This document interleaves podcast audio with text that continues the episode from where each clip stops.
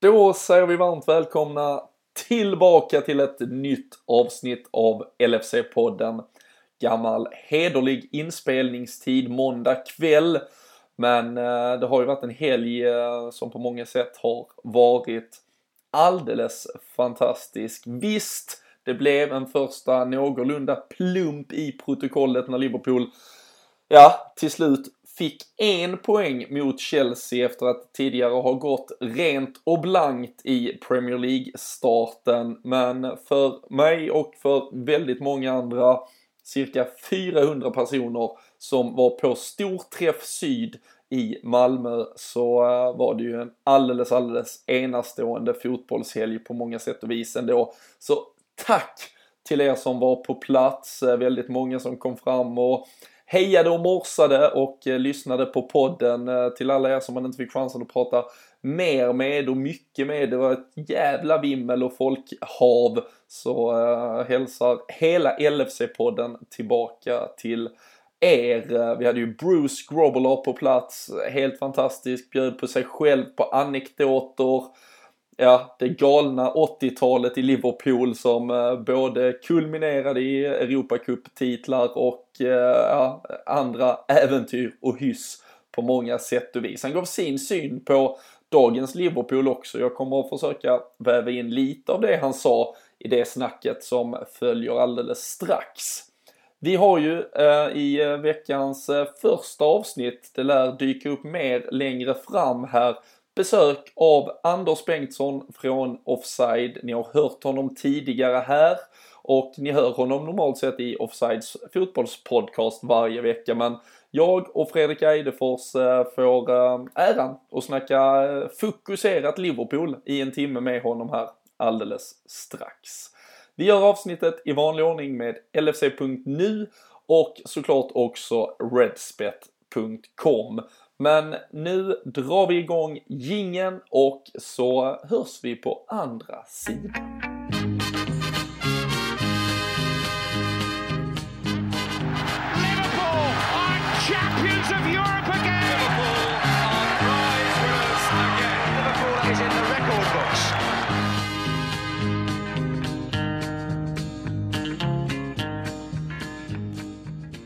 Jajamensan, eh, då eh, sitter vi eh, äntligen samlade i ännu starkare trupp här och som ni redan har hört tisslandes och tasslandes om så har vi finfrämmat i form av Anders Bengtsson som gör bejublad comeback i LFC-podden. Hur är läget? Det är bra. Lite förkyld så jag ber om ursäkt redan nu. Jag har redan en grötig skånska. Det är vi två om eh, Robin. Men jag ber om ursäkt om den är ännu grötigare en dag som denna. Men annars är det bra. Ja, fantastiskt. Ja, jag har kanske klarat mig från förkylningen så länge men eh, jag har ju en stor träff syd från i lördags uh, också på... Kan på, man få på, en liten snabb rapport från uh, den? ja det, det, det, kan man så, såklart få. Vi kommer säkert komma in på det lite senare också. Jag kommer nog lämna mycket av matchanalysen här från Chelsea till, till er. Jag hade ju som sagt ja, men äran att få vara på plats tillsammans med alltså 400 pers. Vi utgår ifrån, det är den största Liverpool-träffen vi har haft i Sverige och således bör det vara den största, om man säger, internationella fotbollsträffen som eh, har varit i Sverige, för det brukar inte vara något annat lag som drar ihop mer folk. Eh, hade Bruce Grobbelaar på besök, eh, klockan 12 redan öppnade vi portarna till O'Larrys och då ringlade sig kön långväga, jag tror jag liksom på en timme hade vi fyllt hela stället i stort sett och sen var det sång eh, och det var öl och det var burgare och det var en Bruce Grobbler som kom och höll låda och sen uh, i takt med att West Ham började dagen med att slå United så sattes ju, ja det var, det var sån jäkla speed på hela gänget där. Och uh, sen var det ju såklart helt Ja men det är euforiskt eh, när eh, Sturridge trycker in det där 1-1 men jag tror hela lokalen skrek skjut inte! när han fick bollen. Och eh, sen var vi alla ganska tacksamma några sekunder senare. Men äh, såklart en jäkligt häftig upplevelse som vi, man kan väl inte annat än att eh, liksom flagga upp för till alla där hemma som eventuellt funderar på eh, om och varför man ska gå på de här träffarna framöver. Att det, det är bara att göra och eh, det, det blandas och mixtras med folket och det, ja, men det är en jävligt härlig gemenskap så det varmt rekommenderas till, till alla och väldigt mycket poddlyssnare. Så det var kul, jag nämnde det i introt också, eh, verkligen hälsningar tillbaka till, till alla er som eh, kom fram och sa, eh, sa liksom glada tillrop. Det, det får en att orka sitta här eh, nu igen måndag kväll eh, och köra på. Så det var, eh, det var jäkligt häftigt faktiskt. Mm, jag ska göra mitt bästa för närvaro nästa sån här storträff. Det är väl kul. Ja men verkligen. Jag, eh, jag skriver upp dig preliminärt redan nu så får ja. vi bekräfta ja. det lite, lite längre fram. Uh, vi, eh, vi hade faktiskt också ett väldigt stort uh, gäng göteborgare. De brukar ju husera på The Queen annars men uh, i, i deras exil Fredrik så var det du som fick hålla Eh, ställningarna på västkusten. Hur ja. Eh, är läget? Jo, men det, är, det får jag säga alldeles utmärkt. Jag har väl också jag åkt på en lite mindre förkylning. Jag kom hem från Rom här så de italienarna har eh, smittat mig verkar det som. Men nej, jag tycker det är alltid kul, måste jag säga, att, när Anders är med. Det, jag ser honom lite som att han flyttas upp ur poddakademin och är med snarare än att han är en utlånad spelare. Utan han, det är kul när han flyttas upp när vi behöver lite förstärkning. Så att det är kul. Ja, bra. En, uh, en Daniel Sturridge uh, i stort sett kommer in och levererar direkt också. ja, precis. Han får gärna göra ett, ett långskott i den 89 minuten idag också. Det, det är nog inga problem. Vad har vi på, du brukar ju vara statistikvetare för 70 minuter har väl Shakiri spelat och gjort fyra assist den här säsongen. Ja, och Sturridge är... har ju absolut inte fler och han har två ligamål om vi tittar bara på ligaspelet. Ja, nej, det är, det är intressant faktiskt eh, att se hur, eh, hur supersubsen har eh, levererat och Sturridge har ju verkligen gjort det bra idag. Eh, när han nu har kommit in. Så att, nej, det, det, finns mycket att prata om bland de här spelarna som kommer in och, och ska spela till sin plats. Mm. Nu börjar vi kanske i fel ände men vi går in på lördagens klimax. Men med Sturridge mål, jag läste det faktiskt så sent som nu här i eftermiddag så att det var hans första mål utanför straffområdet på fyra och ett halvt år. Mm. Fantastiskt. Det måste vara, eller exakt vilket mål med fyra och ett halvt, var fan, var fan kommer vi fyra och ett halvt år tillbaks i tiden nu? 30... Ja, det, det, kan vara chippen mot West Bromwich. Jag skulle precis säga för den var jag, fast det är fem år för det var hösten. Jag tror det var Arsenal faktiskt. Arsenal när vi vann. Ja, det var det. 4-0. Ja, mm. Just det, det stämmer alldeles utmärkt. Det har ja. skett 37 mål sedan dess innanför straffområdet. Mm. Uh, fenomenalt, men han, uh, nej fan vad han uh, levererar. Vilka, ja, men vi, som sagt, vi har ju en match som, som någonstans uh, var en fantastisk fotbollsunderhållning för den objektiva, en, en hjärtskakande historia för oss andra. Höll ni med hemma i sofforna att man skrek att det var lite slöseri att dra iväg det där skottet i 89 minuten? Ja, samtidigt så hade han ju bara så sen som, eh, vad var det, två matcher sen som han hade ett liknande skott också som, som när jag gick in tog väl ribban. Ja, det var uh, mot Chelsea i ligacupen va? Ja, det var precis det. Det känns ja. som att det var en evighet sen, men det var det ju precis inte. Nej, men absolut.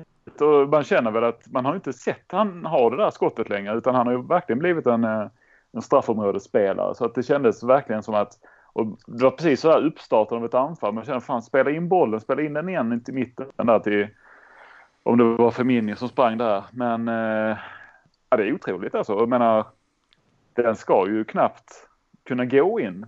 Eftersom han också är vänsterfot, att den skruvar sig egentligen åt fel håll om man säger. Ja, och målvakten är ju egentligen helt rätt placerad. Alltså han står ju ja. där. Och, men det går inte att ta den. Men det, men det är kul att Sturridge också står, när man, man ser det i slow motion, och han kollar upp och kollar på Kepa. Att okej, okay, jag ser var han står. Ja, men då lägger vi den i bortre ungefär. Så det är som att han, han, han vet så exakt vad han gör. och jag vet inte om ni håller med mig, men jag tror inte att... Skulle jag lita på någon spelare göra det, även fast det, inte var, även fast det var länge sedan han gjorde det, så är det ju han före någon av de tre där framme. De känns inte alls som att de har den precisionen riktigt som Sturridge faktiskt har, eh, samtidigt som att det är väldigt långt ifrån. Så att jag var inte chockad på något sätt utan att han ska klara av att göra det. Jag tycker det är, han är en fantastisk avslutare alltså. Det, det måste vi igenom. Ja, alltså, ja Anders. Ja, det säger väl ganska mycket om eh, också hans eh, självförtroende just nu. Att mm. han eh, gör det, tar det där avslutet i 89 minut. Jag menar, hade han dratt den två meter över så hade ju liksom lagkamraterna gestikulerat kanske lite uppgivet. Fan, här håller vi på att försöka få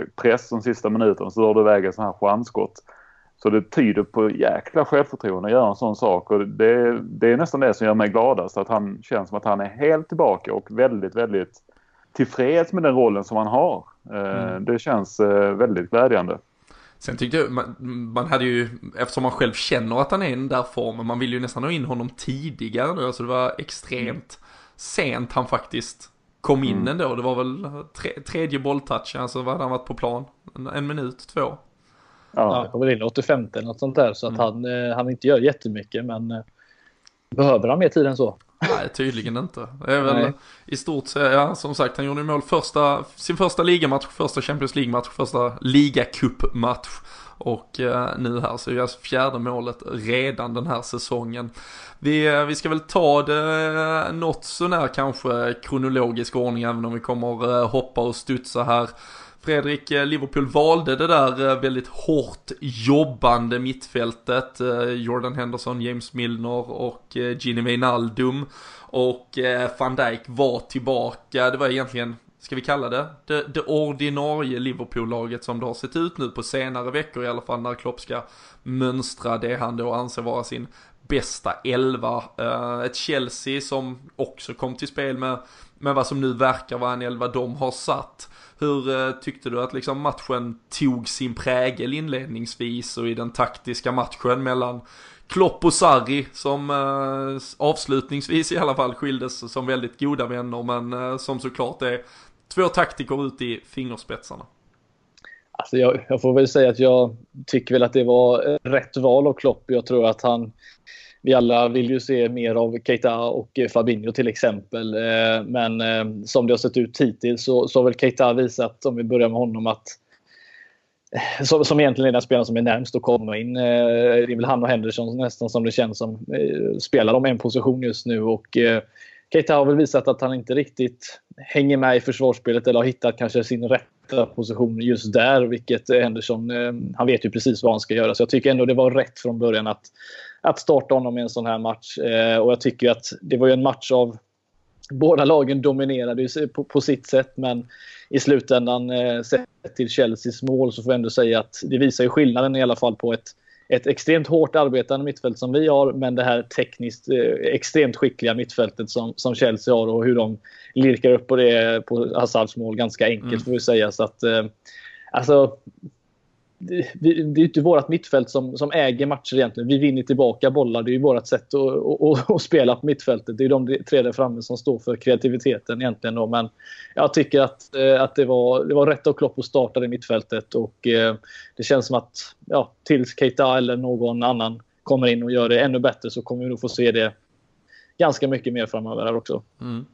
Hur har du ja, nej, Ja, nej, jag, jag, känner väl ungefär detsamma. Att jag, jag, jag är ju oerhört svag för de här tre stycken som spelar nu och det trodde man inte att när man har Keita framförallt då kanske som sitter och lurar i vassen på bänken. Och man vill ju se honom spela samtidigt så vill ju inte att han ska peta någon av de andra just nu. Och en sån som Vinaldum som jag tycker är säsongens bästa spelare mm. än så länge. Han är ju... Och han spelar tillsammans med med Henderson och Milner till exempel så då är ju Wijnaldum någon slags konstant en positionmässigt på mittfältet. När eh, kanske Milner, han svävar ju runt på lite andra sätt. Eh, gör minst lika mycket jobb och sådär men det känns som att Wijnaldum har liksom en, någon slags förmåga att hela tiden inte dra iväg för långt åt något håll. Eh, vilket gör det rätt viktigt tror jag att ha Wijnaldum där. Eh, och han har ju också det, menar det som Henderson saknar offensivt, det har Wijnaldum i alla fall lite mer av.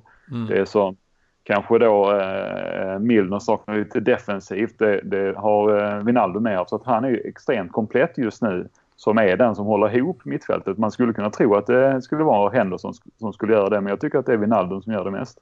Absolut, och det känns ju också som att han är alltså extrem, alltså han måste vara väldigt taktisk alltså han är ju extremt lätt att byta position på. Alltså den här rollen, den sattes han ju egentligen i, man får nästan säga Everton-derbyt här i våras som någon form av träningsmatch, och det var en ganska dyster historia i övrigt, men sen gick han rakt in och spelade Champions League-semifinalen, bortamatchen mot Roma i denna positionen och sen, sen har han egentligen axlat den och liksom tagit den till sig till fullo. Annars har vi ju sett honom kunna spela i stort sett striker, nummer 10, nummer 8, nu spelar han någon form av nummer 6. Uh, eh, mm. Extremt taktiskt skicklig spelare. Ja, visst ja. känns det som att det finns så, alltså det, man, det, fin, det känns som att man kan få ut mer av honom. Alltså det mm. finns så mycket mer att hämta för att han har ju en fantastisk speed som när han väl börjar springa så, så är han faktiskt snabbare än vad många tror. Han är en ex, extremt bra bollvinnare. Han har ju en, en, styrka som, som inte någon av våra mittfältare kanske kan matcha på det sättet som han har en bra balans. Det, men det känns ändå som att man kan få ut någonting mer av honom. Jag vet inte om det är de här 10 plus målen som man kanske hade hoppats att han skulle kunna göra som en mittfältare. Men det känns som att det finns den här att kunna dominera match eh, eh, på mittfältet. Det känns inte riktigt som att det är hans grej att göra på samma sätt som en ja, vi pratar jämför med Hazard då, som, som liksom enskilt liksom driver en match på, på sitt sätt. Men man, jag vill i alla fall få ut någonting mer av honom. Jag vet inte riktigt vad det, vi ska, vad det skulle kunna vara. Men, ja, men jag tyckte man såg lite eh, tendenser mot, mot Tottenham borta till exempel, där han är igenom ett par gånger också, där han växlar, så där han, även om han då utgår ifrån den defensiva rollen, där han ändå stack iväg lite, sen saknar han lite den här slutprodukten då, jag vet, jag vet inte, man kanske ska, han är kanske sådär liksom, han, ge, ge han två, tre uppgifter kanske max, men ge han nog inte fjärde, femte. uh, utan, men han, alltså, nej, men den säsongen har varit fantastisk. Ja, och sen tycker jag också att han, han visar ju prov, även om jag också skulle vilja se kanske att han kommer upp i, säger vi att det är 8-9 ligamål i alla fall på en säsong och sådär. Nu vet jag inte om han kommer göra det, men han visar ändå prov på att han har ju också någon slags avslutningsförmåga i sig. Han har gjort en hel del viktiga mål faktiskt i Champions League och, och sådär. I stormatcher framförallt. Ja, och även faktiskt på huvudet sådär. Jag kommer ihåg, eh, nu såg jag faktiskt det, om man bortser från den här City-matchen som är nästa helg, så såg jag att vi spelar på nyårsdagen mot City i nästa match. Och då minns jag, det väl två år sedan på nyårsdagen också. Mm. Ja, nyårsafton till och med, 18.30. Det var ju helt ja, sinnessjukt. Men då sätter han ju den där ja, enda ja. in med 1-0, eh, en liten språngnick och sådär. Så Lalanas fantastiska inlägg. ja, exakt. Ja, men han är ju rätt vass på huvudet också. Det ser man också på hörnor sådär att han är inte så långt ifrån. Om inte van Dijk eh, är där och nosar så är ju Wijnaldum ofta den som är i närheten av bollen. Så han har ju den spelförståelsen där också på fasta situationer. Att han vet ungefär var bollen ska landa någonstans. Så att jag tror att han kanske kan nicka in en eh, par, tre mål till här under säsongen. Och det, bara det kan ju räcka gott och väl. Absolut. Eh, annars var det som sagt, eh, du nämnde Hazard Fredrik, Eh, det är han som gör 1-0, eh, någonstans bryter upp eh, matchen. Eh, Allison står för ett par svettiga räddningar också. men om vi tittar till första halvleken där och den, ja, den förmåga som man ändå får ut av en Eden Hazard. Vi, vi pratar om honom inför detta, liksom ett Chelsea som kanske inte riktigt har fått allt att klicka. Sen ser det ju jättefint ut, ett bollspelande mittfält och så vidare. Men eh, Chelsea har just nu en Eden Hazard i helt fenomenal form. Liverpool har på sin sida kanske en Mohamed Salah framförallt. Det blir väldigt enkelt att dra den liknelsen i, i inte lika bra form. Hur, hur viktigt tror du det kommer vara för Liverpool att ja, men få in en Hazard-spelare eh, under säsongen som växer ut på det sättet som han gör just nu för sitt Chelsea. Ja, alltså eh, Salah visade det ju förra säsongen eh, att, eh, att när det väl klickar för honom så då klickar det ju ordentligt. Och det var inte bara att han gjorde mycket mål, han var ju faktiskt så att han han, var ju så nära en, en Suarez eh, vi liksom kunde komma där kändes det som. att man, man fick ut allting. Han, han lyckades med varenda dribbling och allting gick ju hans väg jag skulle fortfarande säga att han rent fotbolls och kvalitetsmässigt så tycker jag att Mané och, och Firmino är två bättre spelare än vad Salah är. Det kanske är lite kontroversiellt att säga, men jag tycker att båda de två är bättre. Så att jag har, att han ska göra så många mål, och gjorde han 44 mål förra säsongen. Det, det, liksom, det går inte att förvänta sig det när du har tre så bra spelare där uppe. Men när han börjar göra mål, eh, han kommer väl hamna till slut på 20 till slut, då då kommer vi se att det är, som, det är de här små grejerna som kommer göra skillnad och eh, när han kommer dit då, då är vi det här laget som utmanar eh, City i slutändan. För just nu så... Ja, jag vet inte riktigt eh, vad, vad händer med hans avslut killar? Jag vet inte, det känns som att det är, det är strumprullare fram till mål och det är liksom... Han har ju ett skott som fortfarande inte har landat i alla fall. Nej, men jag, jag, vet inte riktigt vad, vad, vad har hänt liksom med den här liksom med pricksäkerheten. Med den här Puskas liksom. Award-vinnaren. Oh, herregud. Mm. Ja, men alltså målet mot Roma han gjorde i Champions League var ju till och med snyggare enligt mig. Alltså just den där prick, pricksäkerheten. Han gjorde ju några sådana mål förra säsongen, men nu känns det som att, nej, jag vet inte. Han har inte, är, det bara liksom formen vi pratar eller är det att han bara gjorde en sån här Jussi Benayoun säsong när man liksom var den bästa spelaren någonsin och sen går det utför liksom. Använd aldrig mer epitetet Jussi Benayoun säsong. Ingen, jag, ingen jag vet vad en sån säsong är. Ja. Anders, vad jag menar. Jag är ju helt övertygad om att han är inne i en riktigt uh, djup uh, formsvacka. Att det är det det handlar om. Det är inte, jag tvivlar inte alls på hans kapacitet. Men jag håller med dig också Fredrik att jag håller ju Firmino högre som en fotbollsspelare och Mané har ju mer av en X-faktor medans Salah har ju någonting givetvis som vi alla såg förra säsongen sådär att klassavslutare men också sin, sin snabbhet och liksom en bra, eh, bra spelförståelse så att han kan spela fram spelare som man inte tror man ska kunna spela fram. Så men jag tror att det som kanske ligger bakom mycket, han har ju haft oerhört stökigt bakom sig. Det som har varit i Egypten mm. med landslaget, besvikelsen med Champions League-skadan. Hans sommar måste ha varit rätt stökig och den det ju en bit in på den här säsongen också. Det blev nya intriger med Egyptiska fotbollsförbundet och sådär. Jag tror att han har blivit så enormt stor på så kort tid att det har blivit för omvälvande för honom. Jag tror faktiskt att det sitter enbart i huvudet och jag vet inte om det är så att, att Klopp, jag gissar att Klopp också har kommit till de här slutsatserna att de kanske pratar och det eventuellt finns det någon, någon typ av psykologisk hjälp man kan få och sådär för att jag tror att det är enda vägen ut för honom. För att nu börjar också de här avsluten. Det låser sig för honom lite grann och då bör han liksom addera det till allt annat grubblande han har. Och jag gissar att det inte är så kul just nu för honom. För han känner en jävla press. Han har ju en oerhörd vilja också, förstår man, att vara bäst. Man ser ju hur mycket priser och utmärkelser betyder för honom. Och man såg hur mycket det betydde för honom förra säsongen när han slog det här Premier League-rekordet med antal mål och att när Harry Kane inte kommer ifatt och man ser att det betyder mycket för honom. Den här lite personliga prestigen vilket jag bara tycker är bra för den har de allra bästa. Att de vill vara bäst och bli sedda som de bästa.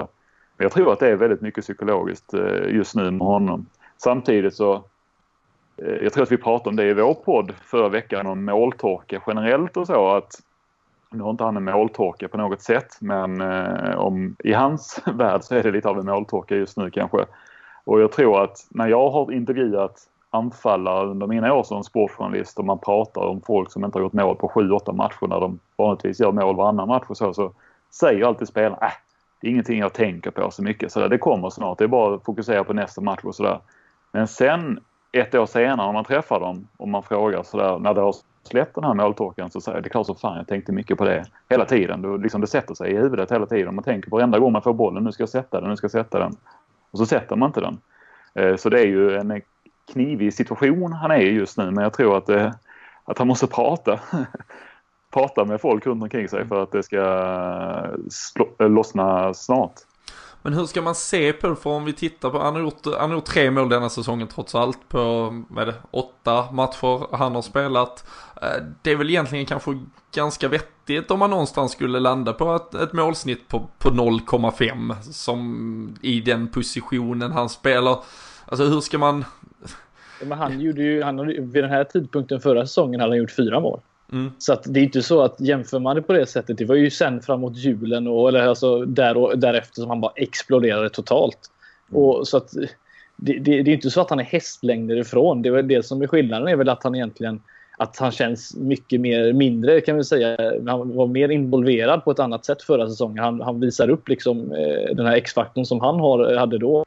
Nu känns det som att det är ingenting riktigt som, som, som fungerar. Så att, att han bara är ett mål ifrån sin, från förra säsongen egentligen ligger ungefär på samma nivå. Det, det säger ändå en hel del om hur, hur, hur det egentligen inte är en stor kris. Det som är problemet är väl att alla tre där framme inte verkar ha någon, någon skärpa egentligen eh, samtidigt. Och det, det, det är väl snarare det som jag tycker är ett större problem än, än, än om någon, ja, att just Salah eh, i sig då. Mm. mm.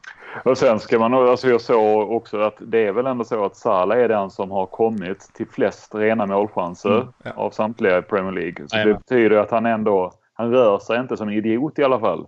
Och han har haft fler avslut på mål än eh, någon annan tror jag ändå.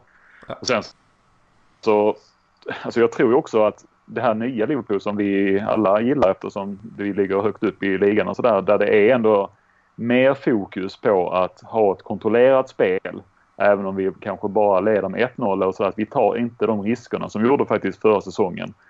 Det innebär ju också givetvis att Salas roll har ju i alla fall några procent, jag säger inte att det är 5 procent har förändrats, att det har blivit mer defensivt sådär, men han förväntades ju göra ännu mer defensivt jobb än han gjorde förra säsongen. Där han kunde verkligen, alltså det, det har jag tänkt på nu vet jag inte hur det var riktigt mot Chelsea här. Det var lite svåranalyserad match på det sättet, Salas insats. Men de andra matcherna tycker jag ändå kan se att han gör fler defensiva löpningar. Tappar han bollen så kan han göra en rusning på 30 meter för att försöka vinna tillbaka den. Sådär. Mm. Det minns inte jag att han gjorde så genom många gånger förra säsongen. För att då var det så naturligt att han var den som skulle stanna där uppe för han var den hetaste av dem alla. Mm. Medan de andra kanske jobbade tillbaka lite mer. Men nu tycker jag att han i alla fall kompenserar sin måltorka då inom, inom vissa mm. tecken men eh, med att göra lite mer hemåtjobb. Nej absolut, och jag tycker, så, jag tycker Paris-matchen hemma var han väl direkt svag i, till viss del. Alltså han gör absolut en defensiv insats där stunden, men annars kändes det som att han var lite, lite off. Men alltså annars rent spelmässigt gör han ju det väldigt bra. Vi får komma ihåg som sagt att de tre senaste, det har varit, eller med, med Southampton undantaget, men där gjorde han ju mål. Annars har det varit Tottenham borta, det har varit PSG hemma, det har varit Chelsea borta. Det är ju inte matcher där vi förväntas göra fyra, fem mål heller och att eh, det ska ligga någon press på att vi, han måste göra mål. Och han, ja, i övrigt som sagt så har det ju trillat in tre baljor eh, så här långt. Men eh, hur, hur, tycker ni man ska resonera i det nu? Anders, det väntar ju Napoli på onsdag först. Sen väntar Manchester City på söndag. man kan ju utan att behöva säga att någon är petad i detta läge kan man ju trots allt rotera och förändra. Uh, hur tycker du att Klopp ska tänka kring, ja, vi kan börja med Salah, men, men generellt kring det här att någonstans hålla truppen fräsch och uh, även kanske spela igång uh, flera fötter så att säga. Ja, alltså jag tycker väl att man ska spela skiten och Salah nu mm. tills det lossnar. Jag, jag, är lite av den. Det kanske är en lite konservativ och inte så himla mottagbar eh, eh, teori med fystränare och sådär. Men eh, jag tycker nästan, eller tycker jag vill det i alla fall, att spela honom mot Napoli nu och se om det går framåt eller till och med hoppas att han gör ett eller två mål. Men, och sen så får man se då, ta ett beslut inför City-matchen och sådär. Men det är också lite så att man har honom i någon slags... Alltså det jag tänker så att gör han ett mål mot Napoli så är man inte riktigt ny. Man vill säga att han gör kanske två eller tre mål i en match för att man är så van vid det. Så att man har liksom lite andra måttstockar också när man tänker på Salah. Att peta in ett enkelt mål till exempel mot Napoli i 87 minuten om vi redan leder med 2-0. Det, det, känns som att det gör ingen skillnad för honom eller för, för Liverpool. Så man vill säga att han får det här tre och det, sen plötsligt så är det borta. Så att jag hade nog bara spelat på med honom och sen så kan man ju byta ut honom i så fall i 16 minuten och sätta in Shakiri om man vill det. Men fortsätta med de tre där framme för det känns som att de behöver hitta hitta det här som eh, Mojon som de hade så mycket förra säsongen. Ja, för det känns ju lika mycket som att om deras individuella spel inte har klickat liksom till 100% så känns det ju även som att det finns ja, det, det kollektiva i den fronttrion som inte är på en nivå som vi vet att de kan vara på. Nej, precis. Och, men nu har ju Firmino fått vila lite grann där med ögat och Sturridge har fått spela lite i hans plats. Och, så är det någon som ska vila så är det ju Mané som har ju matchats väldigt hårt. Eh, så så i så fall är väl han som jag skulle ställt över mot Napoli och spelat Shakiri kanske på hans plats istället. Eller gjort någon slags rotation på de tre där framme. Men eh, är det någon som ska vila så är det väl Mané nu mot Napoli, tänker jag. Mm. Fredrik, eh, är där eh, mer från Chelsea-matchen först och främst innan vi blickar vidare mot vad som komma skall här i veckan som du tycker att det är värt att ta upp?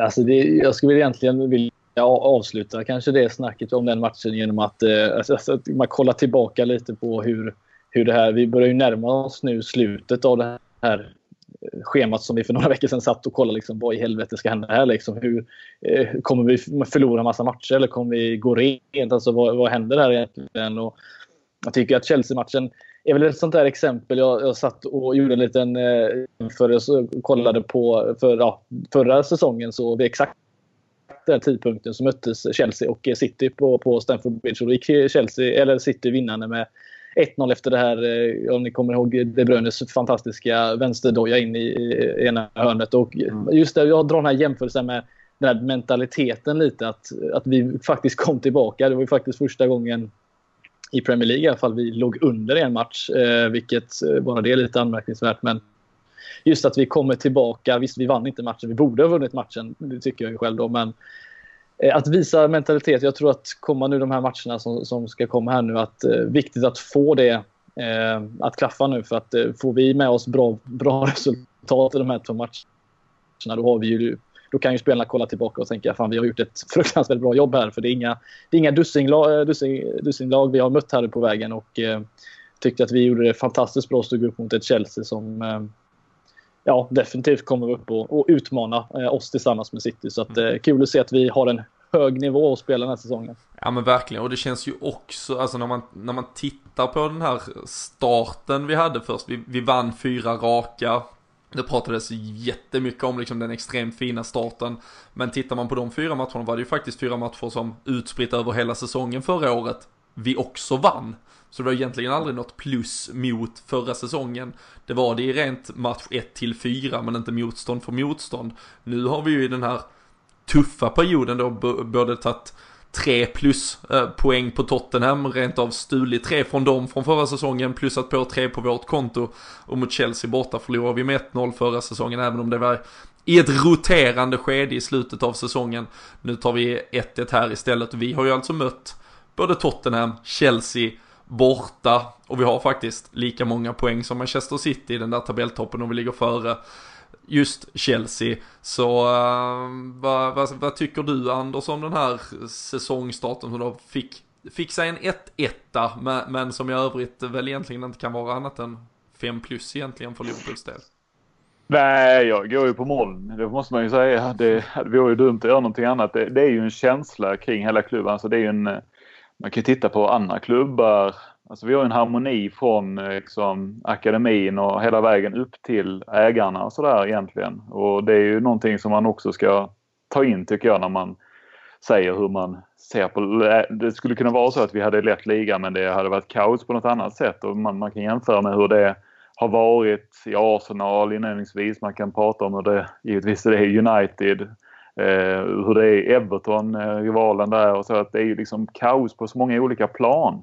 Medan vi bara känner att ah, nya poäng, vi ligger bästa tabellplacering vi kan nästan tänka oss och där och vi känner att vi har ett häng, vi har möjlig, verkligen en liksom, ja vi har en chans att vinna ligan denna säsongen och gå långt i Champions League. Och vi har en bredd som vi inte haft innan och vi har potential i spelare som, men om vi pratar om Salah, att det är kris där.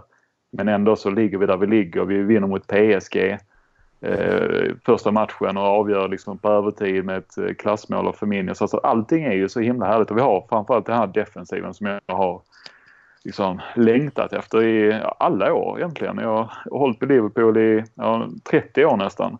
Nästan aldrig varit med om något liknande så att det känns så stabilt bakåt. Mm. Det krävs nästan att det är att Alisson gör en riktig blunder för att vi ska släppa in ett mål i ligan han ska dribbla, det kommer inte han göra så mycket med. Eller så krävs det att Hazard är i sitt livs form och gör ett mål på, liksom, på egen hand nästan för att vi ska eh, förlora. Och det är ju ett riktigt eh, styrkebesked tycker jag. Mm. Ja, men just, för, just försvarsspelet får vi ändå säga. Det kanske var det jag skulle tagit istället och svara på din fråga. Det måste vi bara i alla fall nämna tycker jag. Alltså, Speeden! Alltså Ja, mm. ja, framförallt den. Alltså hur, Viljan är fan inte långsam alltså. Men att, att, att de två kommer, alltså hur, hur bra de jobbar tillsammans. Hur, hur vacker van Dijk är med ett kaptensband runt vänsterarmen. Och ja, men alltså hela den grejen. Jag fattar inte hur, hur, hur vi har lyckats hamna här. Alltså ha två sådana fantastiska mittbackar i, i, i, som vi äger nu och har framförallt då van Dijk som är Premier Leagues utan tvekan bästa, eh, bästa mittback som, som är så bra. Eh, alltså jag, det finns liksom inga ord och hur ni får hjälpa mig här. Alltså, hur, hur, hur, lyckas han? Liksom? Han, han läser ju spelet före alla egentligen. Mm. På, han vet exakt när han ska gå upp. Eh, vilket är någonting som jag efterfrågat hela tiden med en mittback som kan läsa spelet innan bollen egentligen slås. Och det är ju visat mot PSG fantastiskt med, när de, Neymar försöker med lite instick och liknande. Han vet exakt när han ska gå upp. Och så att ha den speeden eh, och den liksom... Alltså det är magiskt att ha en sån spelare och så en Joe Gomez som gör lika bra ifrån sig nästan bredvid som kan lära honom. Det är kul att se måste jag säga. Den där ja jag ska bara säga den där löpduellen de tar och liksom verkligen springer förbi, alltså de behöver inte ens tackla bort bollen utan springer Nej. förbi, bryter bollen. Och så fick jag en snabb flash tillbaka till när Joel Matip försöker kämpa sig ikapp Joselu men istället stöter in bollen i eget mål för att han är så jävla kass.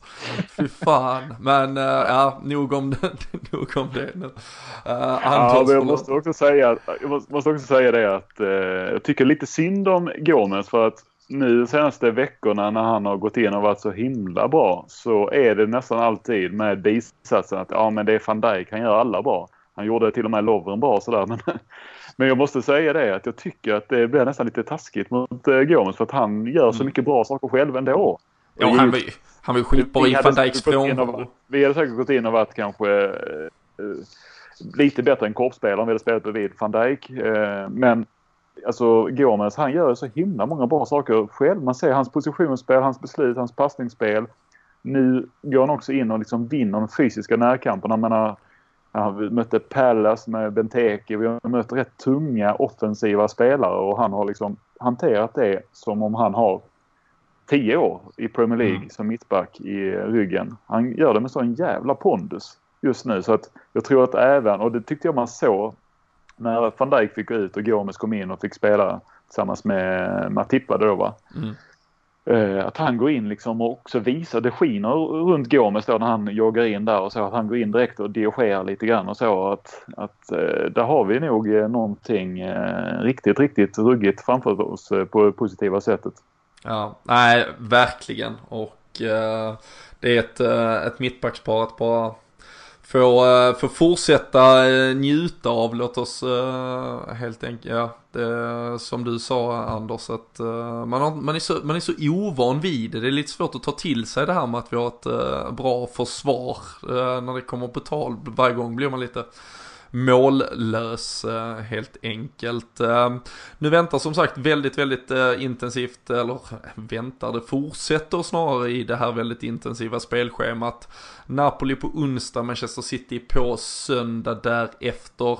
Ett eh, Napoli, Fredrik, eh, Carlo Ancelotti i roden, nu mötte vi ju eh, den före detta managern och, och hans stor, stor, stora stjärna Jorginho i, i Chelsea här senast. Eh, så ett delvis nytt Napoli men som kanske egentligen om man ska vara ärlig bara har tappat. Inte så jättemycket positivt. Eh, de spelar i helgen mot ett Juventus, eh, ledde 1-0, förlorade 3-1. Eh, Ancelotti som sagt som styrde nu och såklart en fronttrio som, som ändå är av, av högsta europeiska klass. Men eh, hur mår Napoli eh, 2018 eh, tycker du och hur mycket respekt tycker du vi ska gå in i matchen med på onsdag? Eh, vi ska gå in med mer respekt än, eh, än vad många tror, tror jag. Alltså det är ett, eh, många som säkert såg försäsongsmatchen och tänker att det kommer sluta likadant. Och det kommer det inte göra. För ett Napoli på hemmaplan och ett Napoli på bortaplan är, det är två väldigt olika lag när det kommer till eh, vad man får för prestationer eh, sett till vad jag har kollat. Och Napoli borta är en, en fruktansvärt svår match att, att spela. Jag, jag, vet att jag och Jocke satt och pratade upp inför Champions League när vi, efter lottningen där. Och det var en sån här match som...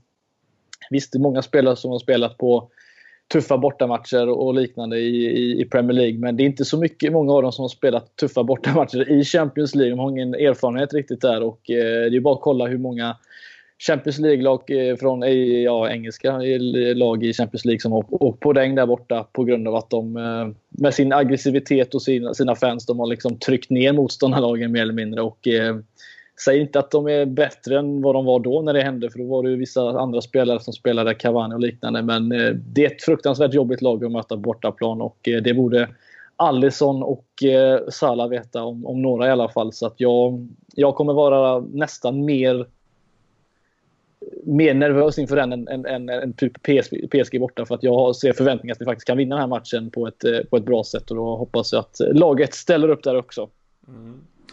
Minns ni eh, hur laget såg ut senast vi mötte Napoli i ett Europaspel?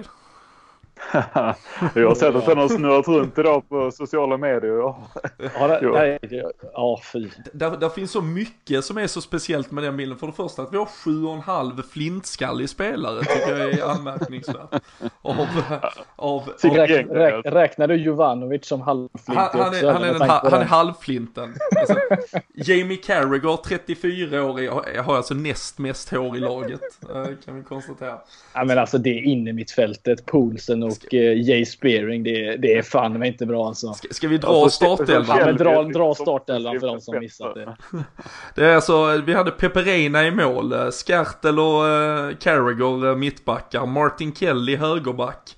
Paul Konchesky vänsterback, tre manna mittfält med Shelby Paulsen och Spearing och sen Babel och Jovanovic på varsin kant om en gogg. Får det, är det, står, står håret på armarna nu Anders? Ja, men... Nej, det, det är nästan så att man... Eh, man, åtta år sedan. Man, ja, man har glömt bort hur usla vi var faktiskt. Kommer ni ihåg hur matchen slutade då? 0-0, eh, eller? Ja. Ja. ja, det var ändå en bedrift. Det var ingen förlust. uh, nej, men alltså när man ser det här så känns det ju som att det är 50 år sedan och att uh, man har gått igenom helvetet för att komma någonstans. Det är faktiskt helt overkligt när man ser laget. Ja. Det finns ingenting av kvalitet där. och så var det Roy Hodgson som var manager. Så det var där, där fanns expertisen i alla fall. Ja, sen hade han fått sparken då två månader senare. Lite, lite drygt. Ja, men han hann ju faktiskt med att slå Napoli hemma med 3-1 efter att en viss uh, Steven Gerrard Gerrard slog. Kom, kom in i halvtid och vände på den ja. steken. Men nej, det var ju faktiskt ett Napoli på den tiden med Cavani, Hamsik och Lavezzi väl i en ganska intressant frontträ. Så starkt av grabbarna att klara av det där. Men uh, hur är känslorna annars uh, Anders? Vad är din liksom, bild eller relation till ett Napoli, den italienska fotbollen? Vad, vad åker man för, med för känslor till den här matchen på onsdag för din del? Nej men det är väl uh, alltså det är en av de få uh, arenorna som jag verkligen hade, hade velat besöka som jag inte har besökt. Uh, det ska ju vara något alldeles speciellt kan jag tänka mig och uh, jag tror att det, det, finns ju en fördel att just Allison till exempel faktiskt har varit Jag tror att i och han har bara gjort en match eh, i eh, Neapel. Men eh, jag tror att det kan finnas en viss fördel att han redan har gjort det. Han vet vad som väntar. Det kan ju bli ett jävla tryck. Men det känns också som att Napoli är lite det här laget att det är det kan vara riktigt höga toppar och rätt djupa dalar. Nu har de väl visat upp en, en eh, rätt bra stabilitet här på kort tid med Ancelotti och sådär. Medan Sarri sista säsongen så där var också väldigt lovande som blev lite en besvikelse på slutet. Så, men det känns som att man, jag kan ju vänta mig att Napoli kan ju spela den här om vi säger att det finns tio, tio riktigt bra klubbar i, i världen. Där Liverpool givetvis är en just nu så är det kanske inte Napoli där eh, hela tiden. Men eh, när de har sina bra dagar så kan de ju lätt vara sådär topp fem lag i världen. Eh, för att de har de höjderna och har viss, viss spets också i laget. Och då givetvis på hemmaplan så blir de ytterligare någon nivå till. Så jag går ju in med en känsla att jag nästan är nöjd med ett kryss om det innebär att vi vinner mot City. Då, då tar jag krysset alla dagar i veckan alltså.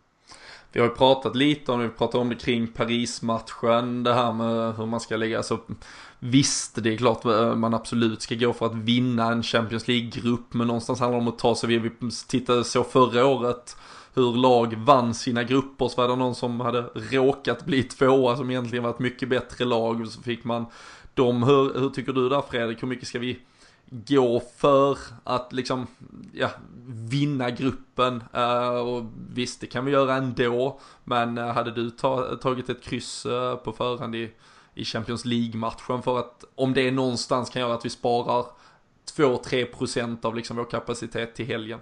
Ja, ja, absolut. Det, jag, jag ser ju fortfarande så att vi på, på, på något sätt rånade PSG på, på alla poängen faktiskt senast. Att, att vinna en sån hemmamatch mot dem tycker jag, det är någonting man kan... Jag ska inte säga att man har den till godo på något sätt och kan förlora bara på grund av det. Men att, att få de tre poängen och, och liksom ett, ja, PSG sitter ju på, på noll poäng just nu, som är det laget som troligtvis kommer utmana det. Så tar jag ett kryss alla dagar i veckan, för att Napoli fick väl bara dem ett kryss väl precis. borta mot... Eh, ja. Precis. Så att, nej, ett kryss eh, alla dagar i veckan. Eh, jag ser gärna att vi faktiskt roterar lite den här matchen och jag skulle vara kul att se en Fabinho och liknande komma in och spela. Eh, och sen ha de eh, stora grabbarna eh, på 100% när vi möter City, för det är den absolut viktigaste matchen.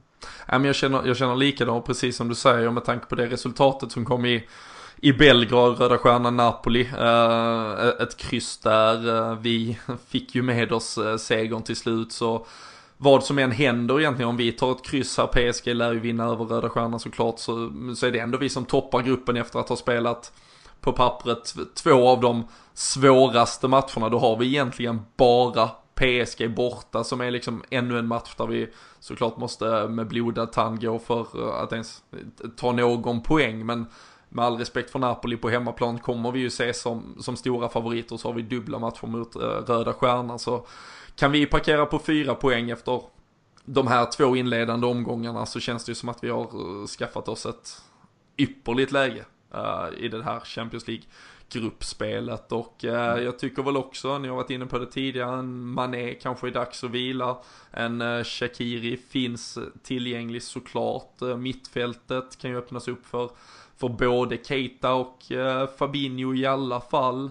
Uh, eventuellt uh, några förändringar i backlinjen. Är det något specifikt uh, du tänker Anders som man hade kunnat göra eller som du hade önskat att se?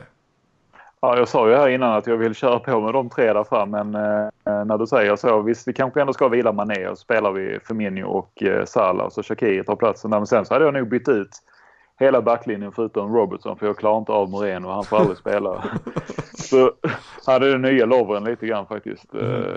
Men eh, jag skulle nog spelat Klein, jag skulle spelat eh, Matip och jag skulle spelat kanske Lovren så att de får vila så givetvis Alisson och sen Fabinho, Keita och så den av de andra där som är, ja, kanske vilar Wijnaldum också och spelar antingen Henderson eller Milner på mm. mittfältet. Och, så Men tror du han gör så många rotationer?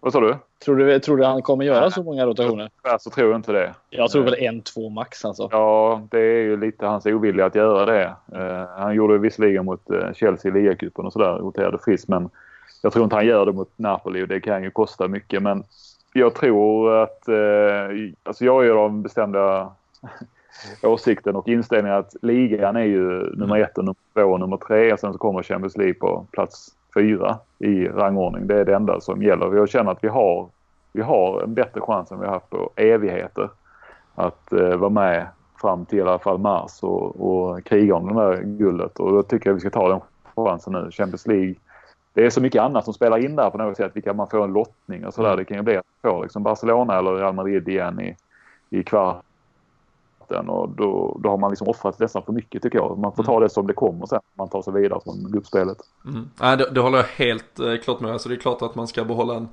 en stor, stor, stor, stor respekt. Men som sagt, komma ett eller två kan i stort sett vara skitsamma eh, till syvende och sist. Och att bränna krut här för, eh, som eventuellt kan kosta på insatsen på söndag tycker jag absolut inte vi ska riskera. Och så tycker jag det är viktigt någonstans att vi, det inte liksom blir ett snack om rutage. Alltså man, visst, vi, vi vet väl alla någonstans om vad som är Klopps kanske föredragna elva eller åtminstone 10 av 11 positioner. Men, men vi, vi ska ju inte se det som att vi roterar för att vi åker till liksom Neapel och spelar med Keita och Fabinho på ett. Alltså det var ju för fan det som var planerade som skulle vara startmittfältet någonstans. Och, och nu är det som att liksom, ja men det där kan vi göra i en ligacup, det där ska vi väl absolut kunna göra i den här typen av match. Uh, sen uh, visst så handlar det om att hitta en rytm och få ett lag att fungera som kanske gör att det är dumt att byta ut åtta eller nio spelare igen. Men, men jag hoppas att Klopp någonstans ser det som ganska naturligt under den här säsongen att kunna göra fyra, fem byten i sin startelva när vi spelar två matcher på en vecka utan att det liksom ska ja men basuneras ut som någon form av rotation eller att nu vilas den här starten för det skulle lika bra kunna vara Keita som ska spela på söndag istället för en Henderson uh, och vice versa under säsongens gång. Så det känns dumt att liksom måla in sig för mycket kring vad som är det här är vår elva när, när det Men, känns som att det är så många spelare som är så nära.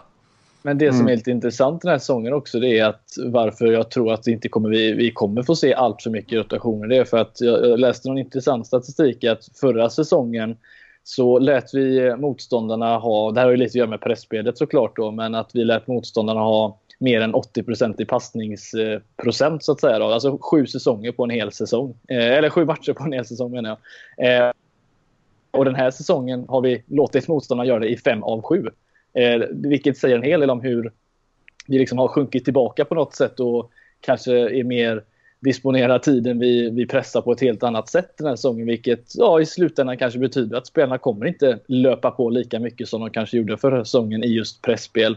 Eh, så det kanske inte alls blir lite, lika mycket rotation som, som vi tror på grund av att spelarna kanske är fräschare. Jag vet inte om det, har något, eh, om det finns någonting i det men eh, det, det är intressant i alla fall att spelarna inte alls pressar på lika mycket den här säsongen. Och ja, det kanske ger mer friska ben i slutändan.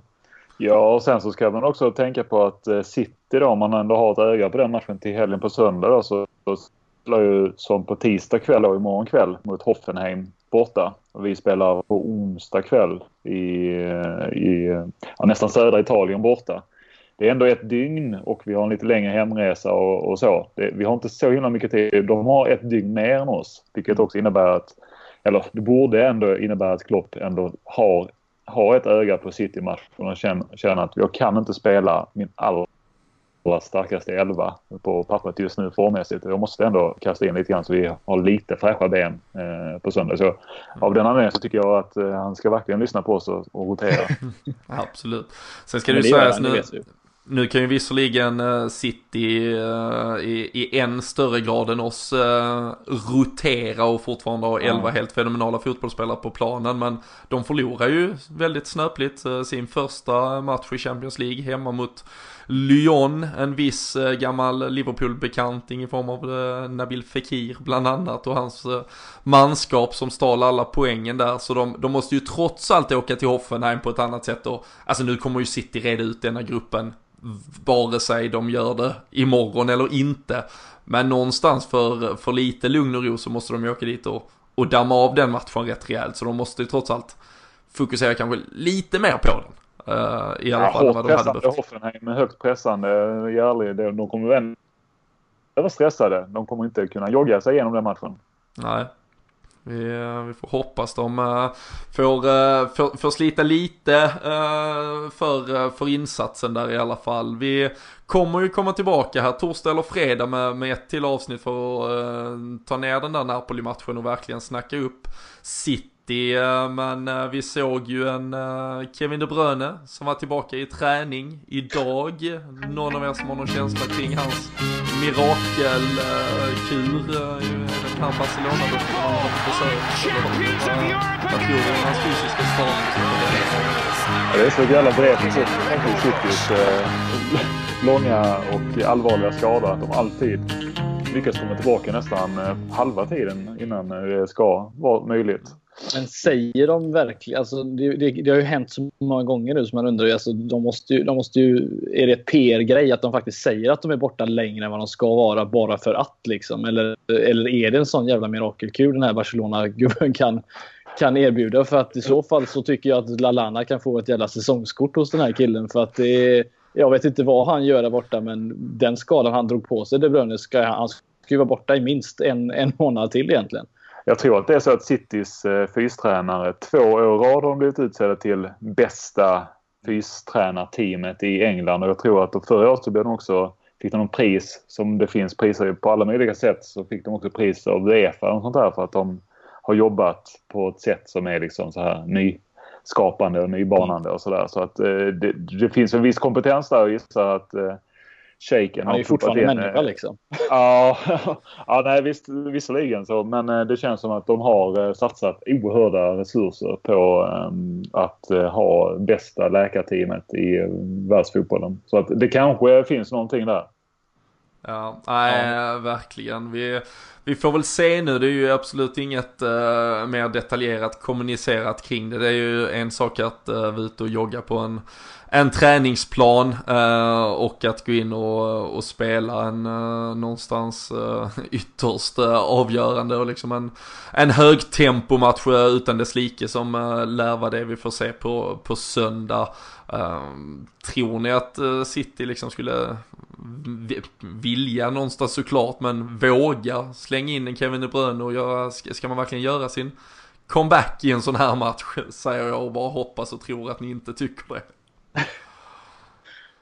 Nej, jag tror att det blir bänken för honom som, som bäst. Jag tror att, eh, att eh, han har ju så mycket bra spelare att kunna slänga in där och det har funkat bra för honom hittills under säsongen så att eh, jag tror inte att han kommer starta men han kommer nog finnas, är han med och tränar nu så kommer han nog finnas med i alla fall för att det är ju inte en, det är ingen jättedålig spelare att ha på bänken att kunna slänga in om man ligger under med 4-1 och vill ja, göra ett 4-3 mål i alla fall. Vill, vill rätta till siffrorna. Minns ni de sista minuterna från förra matchen mot City hemma? Åh ja. Eller förra ja, var det ja. inte, men ligamatchen ja. Mm. Det var ett annat försvar det Anders. Gud ja. Det var ett, van Dijk, eh, för, eh, ja, ett försvar utan van Dijk kan vi ju säga. Eh, det var väl då han var skadad va? Ja han hade ju mm. kommit men så var han ändå, han missade den matchen. Uh -huh. um, och, och alltså, hade sedan... han varit med där så hade det inte hänt. Nej, sedan dess kan jag inte minnas att vi i alla fall har släppt in tre mål i en ligamatch. Tror jag inte kan ha vi knappt hänt. släppt in ett mål överhuvudtaget. Nej, nej, så är det Så är det. Men eh, Napoli, eh, första hindret som sagt, eh, onsdag kväll. Eh, nu har vi gett eh, våra, våra tankar och funderingar inför detta. Eh, någorlunda eh, kanske vädring av truppen eh, om, eh, om podden här får säga sitt och eh, vi verkar även kunna vara nöjda med, med en poäng om, eh, om så skulle bli fallet. Men eh, Fredrik, vad, vad tror du det blir av det eh, till syvende och sist resultatmässigt? Jag säger att det blir 2-1. Något lag kommer göra två mål, jag vet inte vilket.